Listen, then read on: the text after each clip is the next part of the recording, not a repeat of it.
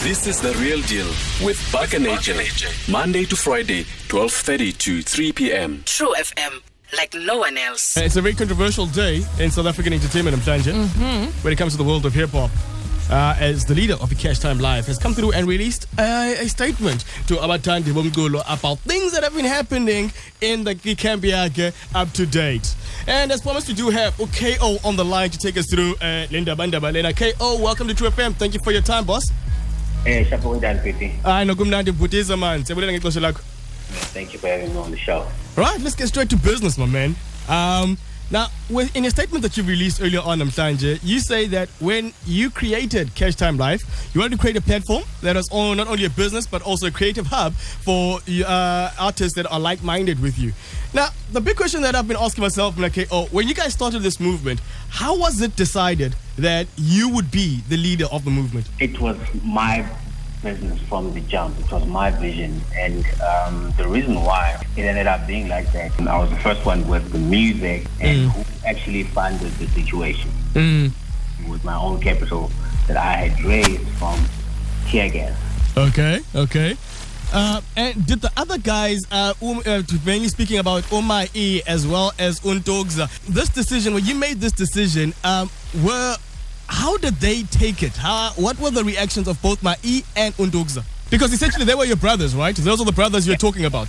Absolutely. Mm. Um, when we decided that te- uh, was going to embark on solo career, um, I was going to go out there and just do any and everything that has to do solely with KO, um, with concerning myself with anyone else. But in the spirit of building and making sure that I also create an opportunity, uh, opportunities for other people around me, those who probably share the same vision.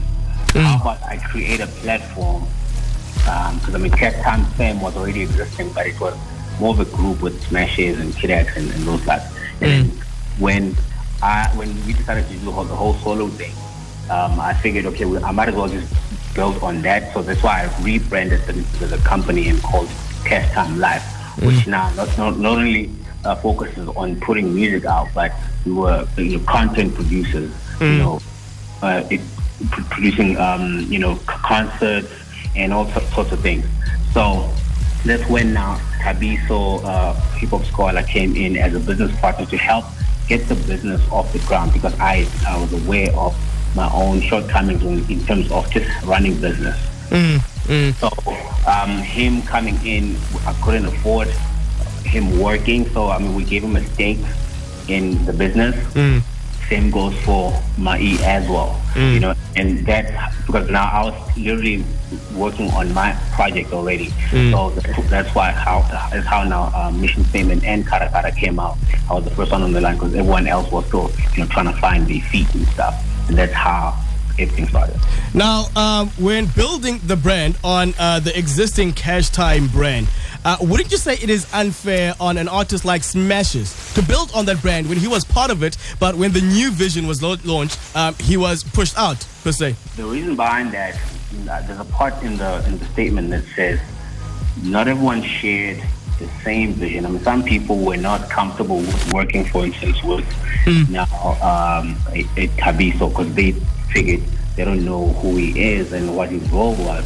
You know, so I mean, it personality test. So I could have easily said, "All right, cool. So let me go start something um, new from the ground." But like this was my brainchild. Mm, mm.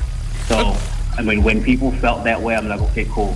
Because you're not part of the vision, it's fine. We will still forge ahead and hopefully we can still do some stuff in the future, and which is what's actually happening right now. with Stuff, yeah. Now, um, very interesting uh, uh, statement you made a bit earlier on that you, Thabiso, and Ma-E had stakes uh, in the company. Um, how did you decide who will have a stake in the company and who won't? Ma-E is someone who has held me down from day one when I came up to Joburg, and he he was he's one of he's my best friend, you know.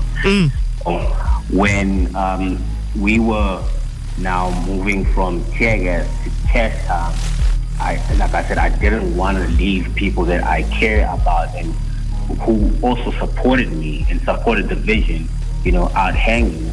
So Ma-E was one of those people who rolled with me you know, through and through. So it was automatic for me to to, to have him in there as a stakeholder. And Thabiso was merely because we couldn't afford to pay him a day-to-day salary. Mm. Mm. He's, a, he's a record record company exec, you know, so he was coming with all, all that experience. I, I, I wasn't going to be able to pay, you know, 30k um, uh, salary. Mm. Uh, you know, for his services. So the best way we, we could work it out was by him having a stake. Mm. Now, listen, um, I hear that 1KO now. Um, you were the boss of this thing, uh, as you mentioned. You were the coach, and also you're a player uh, in in this uh, in this movement. And Yeah. people look at you as the leader. In hindsight, um, do you think that was the right way to go for you to be so heavily involved in the management? Uh, as in a way, you are still competing against the guys that you are uh, you are managing. People told me when I was setting this whole thing up that rather just focus only on yourself and don't don't invest too much on other people. And you know, I mean, it made all the sense. I mean, actually, till this day, it makes you know the most sense that I actually wasn't even supposed to bother myself uh, doing all these things. But can you imagine what I would have denied the world in hearing what a Nomuzi, a Kid X, such an incredible, talented artist. You know, I mean, all these people. I think I was I was the only person at the time who had faith in what they're doing, and so it was just a selfless act for me to set this whole thing up because record companies were not signing anyone. So I, I, I, here I am. Here I was creating a self-funded, um, you know, imprint. I, I go out. I, I create songs. I pass it on, pass them on to other people for them to get off the ground, and you know, me being able to, um, you know, share my blessings with them, and you know, able to, you know, uh, afford a better life Mm, me and all those. So I don't have any regrets with that. You understand me? So that's nearly what I was um, the, the, the, the, thinking behind the whole situation. It wasn't to me to bring people just for me to you know uh, hold them back from growing in, in becoming who, whoever that they wanted to be. I brought them solely for that very same reason. I wanted them to go out there and probably be, be even bigger than me. But as you heard, as you heard in the statement, our work ethic is different, you know, and um, it being 2016, uh, and I had only the last time I had put out new music was 20, 2014. So I also have to get back into the race. I mean, because we I cleared 2015 for my homies to actually go out there and carry the baton from me after what we were done with Caracara and everything else in my house. So 2015, no one really stepped up with the music like that, with the body of work. So that that's the unfortunate part. But in 2016, I have to carry on with what I need to do because I'm also a player, like you said. Why did the guys? Why were the guys not bringing out the music? What was they? What was their issue? What was the problem? I didn't want to put pressure too much on them. I mean, I, I, the same way the fans were calling for their albums, it was the same thing in the office. We were mm. doing the same.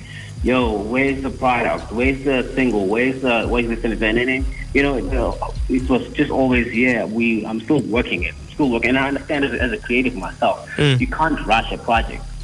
But the sad part about how the whole thing was managed is that on our end, we opted not to tell the people that, listen, uh, it has nothing to do with the company. It has everything to do with the pace of the artist. We decided to do that and, and be the bigger people and protect the artist.